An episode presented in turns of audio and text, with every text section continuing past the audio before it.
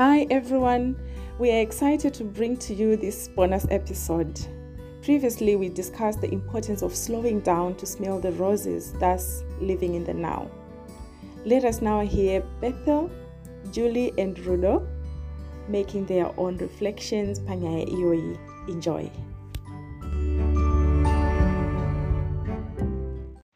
you know like uh, inini by now i think you know kuti my favorite is the holy spirit. So i pandangomuka ndangofila izvozvo zvekuti you know holy spirit ka anofanira kutungamira zvese like inini one of my prayers is um, you know order my steps. Every day I ask the Holy Spirit to order my steps. And uh, it's so easy. kuti kana pakati sandarara. You just get in. Even when you're seeing a door open you just get in without asking the holy spirit to order the steps. Because haunongo chiti dho rakavhurika kairi. But uh, ndofunga ndo chidzidzo chandange ndichiudzwa makuseni kuti even if do rakavhurika ask the holy spirit to order your steps. Because uh, ndo zvazvinongori hazvizvi zvekuti haa nokuti ndazviona ndakutopinda ini. Haa ndizvozvo. Inyaya yekuti pane zvese check with the holy spirit. Don't leave him no matter. Even if it appears the easiest don't leave the holy spirit. Because he is the spirit of truth who will guide you into all truth. Saka so, seni hangu dzimwe nguva ndinozviita izvozvo kuti zvanyorova ndotozodedza holy spirit ndamukati. Nekuti kandanga ndikazvitarisa saka i think need to look into that. And then like what uh, lily is sharing about living in the now. Inini pachangu i struggle with that. Zvokuti ndakatombogara pasi kuzvibvunza kuti nai mwari kasi nini upenyu hwangu uri prophetic? Because i live in the future even zvinoitika you know like uh, for example simple simple things uh, like um, handiti zvino makunakidzwa nenatural pandakapindamo kudhara you know when no one was doing it, when it was actually embarrassing to have natural hair, was there. You know, like, uh, I mean, maybe it's like magic for me to enjoy the moment. Then it's so lonely. Because hakuna ninga achizviita like ezvino handiti muri kuitira chechi kudzimba i've been doing it for four years. You know? And when i was doing everybody was looking at me. Like here doing online education. I've been doing it for when did i come into harare? I've been doing online education um, since 2011 2012 somewhere there. You know saka ndogara ndiri kumberi and then ndiri papo nendiri so londe saka i think i need to learn kuti even zvichiitika ka to enjoy them slow down and enjoy the moment. I mean i'll yeah i think it's really a word for me. But i, I want to learn how to do it you know to really enjoy izvozvo zvandendiri ndega ndega. Because even for maprayers angu kazhinji zvinhu zvacho zvinenge zviri kumberi. Like i remember praying for the teen years dzevana vangu. Inini kana ndichinamata nde ndichitozvirarama zvinhu zvacho. Kudhara zvokuti ezvinoka chinhu chandakataura kudhara zvandakuona iye zvino. So yeah ameno and ndongori munhu ane upenyu uri very fast. Like we can be dealing with this thing today ka. Mangwana ukada unditsvaga uchida kuita lese wane kaupdate kekuti ha ndandafunga kuti uzodai. Ndee ndakatopedza nyaya yekudhara so ha! I don't know hwangu inini is just fast fast fast going. Saka to really look and dwell i mean ndotodzidzira. I think that's why ndaikudziva kuti dadikanika bhuku iri randidraina sei because handiverenge bhuku mazuva akawanda kudai i just go ndadarika. And zvese i just am so fast in the things that i do. Saka ndofunga ndofanira kugarawo and enjoy the moment and hanzi uh, do meditation yoga. Yeah izvozvo ngavatouya vandidzidzise handigoni kugara just to be still. I can't. And i see it in my son hazvigoni izvozvo. That's why he's a scrum half in rugby.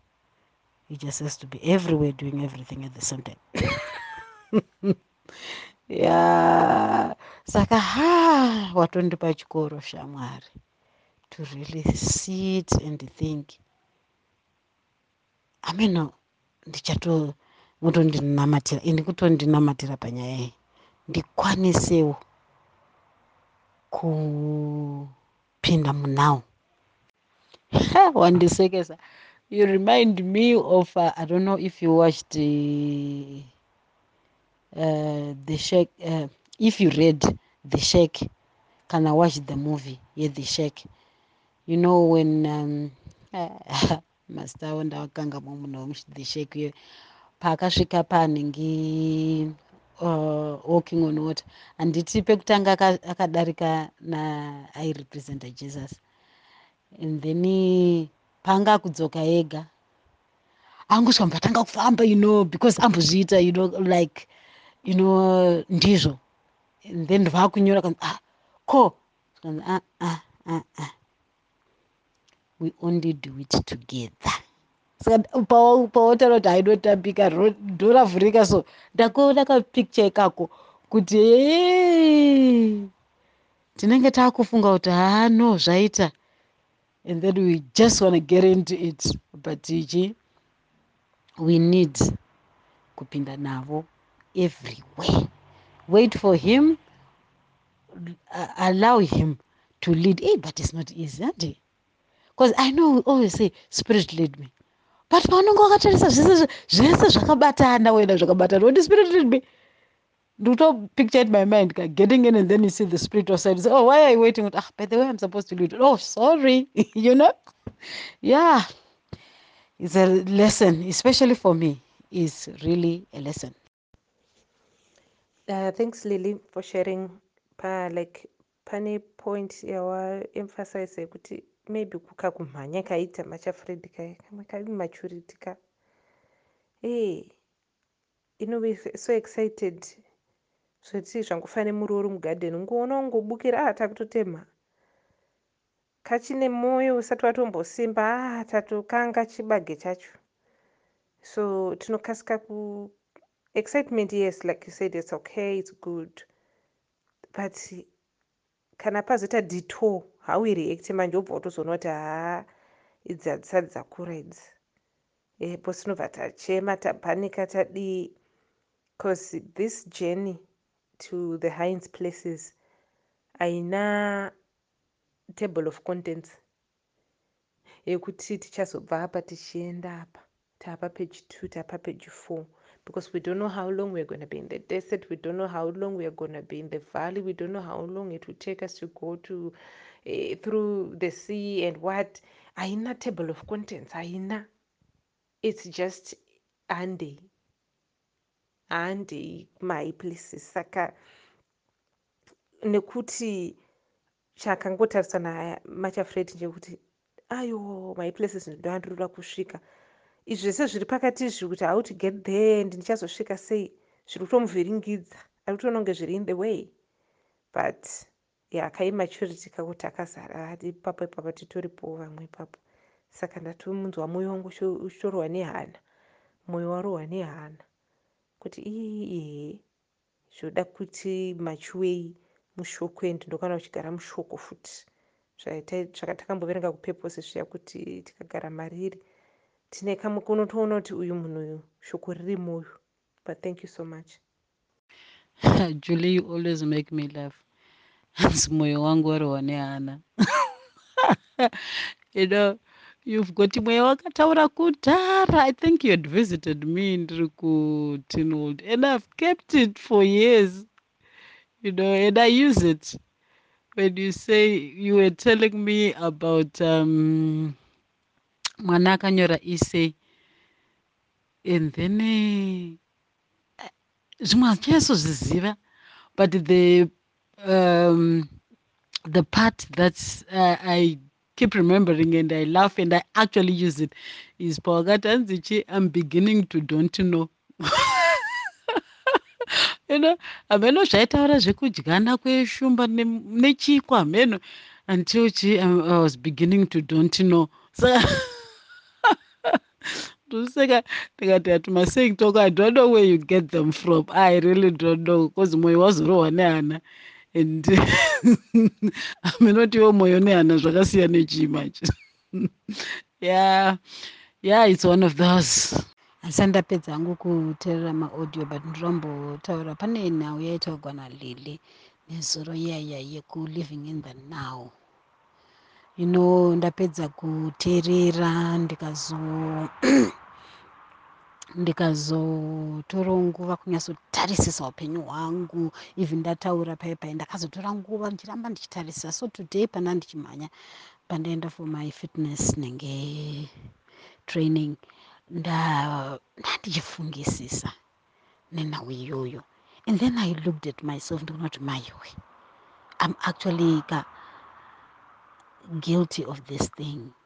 I want to give a testimony. I hope inobatsira umwe munhu kuti you know for a long time ndanga ndichi pane time yandakanamata chaizvo about you know i prayed so much about education yevana vangu because like um, the tutor wasn't doing a good job and i didn't know how to go about it because of my time at times. Actually i've actually come to realize kuti inini i don't really teach academics ndo teach life skills. So that's why even in my homeschooling now i stopped and i got somebody who can do academics because i'm winning my my life skills. So munhu acho anga achiti angasi zvakanaka and i prayed. But then in the meantime izvi ndakazvinamatira nguva iyo iyo yakapera. And then what happened is chi pane maprayer request andaa ndakaisa zvairewa nanhenge nalili kuti zvino unenge watarisa kumahigh places. Ndo zvauri kuda ndo prayer request yako to get to high places. Saka nandinewo zvandandichida. Zvokuti pakatopindurwa munamato ka and i got somebody to come and teach and is doing a very good job. The kids are happy. Andotombozviona kana kana kutombodzokera kuna mwari ndichitenda? Kana because ndakangotarisira chi zvandiri kukumbira now and handisitombotarisa makomborero avandiisira you know i was looking kuti you know to have someone wekuti vana vangu they are opening up they are so happy. Kana kuzviona. So i was just looking that wedu wega. Sure it's so important kuti uone zviri kuitika ipapo and thank god for what is happening ipapo. Because is, is, is just something that we do. Tine zvatiri kuda ndo zvatendakatarisa akambonzi neimwe shamwari yangu. Zvikanzi unotengerwa ice cream yotanga kunyungudika iri mumaoko. Wakatarisa anhenge uh, bhasikoro riri muhwindo reshopu apa ice cream hausi kumbodya. And i think inini ndiri mumwe weavo wekuti kana ndafunga chandiri kuda ipapo kana kuti chandiri kunamatira ipapo ndo chandakatarisa all the prayers that he's been answering i don't even see them you know like i'd other breakthroughs dzakaitika in between. But ndandine zvanga zvichinditemesa musoro i never even looked at those breakthroughs or, or even mm, to give thanks to god for the breakthroughs because ichocho chandiri kuda ichocho ichi saka ii as we make the journey to the high places surely thank you for sharing. Let's take time kunakirwa nematiri kufamba ipapo and to see what god is doing during the journey because tikangoramba takatarisa ikoko. Togona kuzozvipotsa. Kutozvipotsa chaiko and we don't see the goodness of the lord. You know hanzi his messes are new every morning. But hataone unyuwo hacho because ichi isi takatarisa uko zvese zviri pakati apa zvina basa. Saka hei handazvitarisa nhasi ndikati there is a lot. In the meantime while least i'm waiting for this which i call my breakthrough. Pane mamwe mabreakthrough hobo aitika. Handisina kana kutombo acknowledja kuna mwari kuti mazvita henyu. Nekudawo ndakangotarisa iyo chete. So ya yeah. ndo patiri hama. Auntie Lily spoke about um, living in the now. That was last week, and I found that to be very. Ash, that was a, a very important teaching. And then mama, mom, my my baker, vavazotsinira nekuti vachitaurawo kuti you know she struggles with that ndabva ndatoona kuti ah, ndozvandinotoita ende kamwe kacho ka i don't use the word dzungu but kaspeed so kaspeed aka ndo zvacho zvazvokuti so it works to to an advantage but it also works to a disadvantage. So the advantage obviously is we're always ahead of things we always organized planning ahead but sometimes it um, stops us from enjoying or celebrating small victories small wins zvinhu zvidiki diki zvatinenge tamaneja kuita. Kana kuti masmall testimonies anenge aitwa namwari kuti ah, okay mwari ichocho chihomba chisati chaita but for now i'm just thankful because i have life i have good health we are happy i'm thankful for another year. You know small things like that or any other thing. And also with me i found that because of that i'm constantly busy because i'm planning in uh, uh, for the future. I'm i'm always ahead trying to plan okay fine.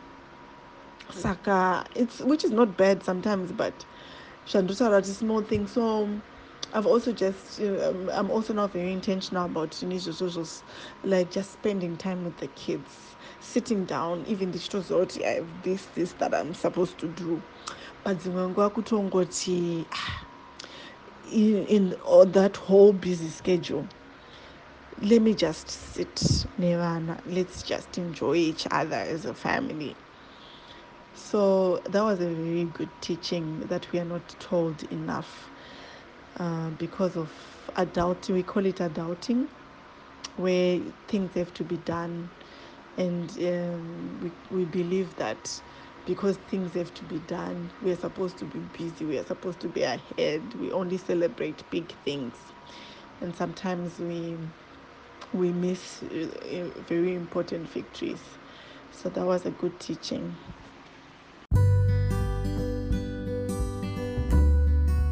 Once again, thank you for taking your time to listen to our discussions. We hope you've been encouraged in some way.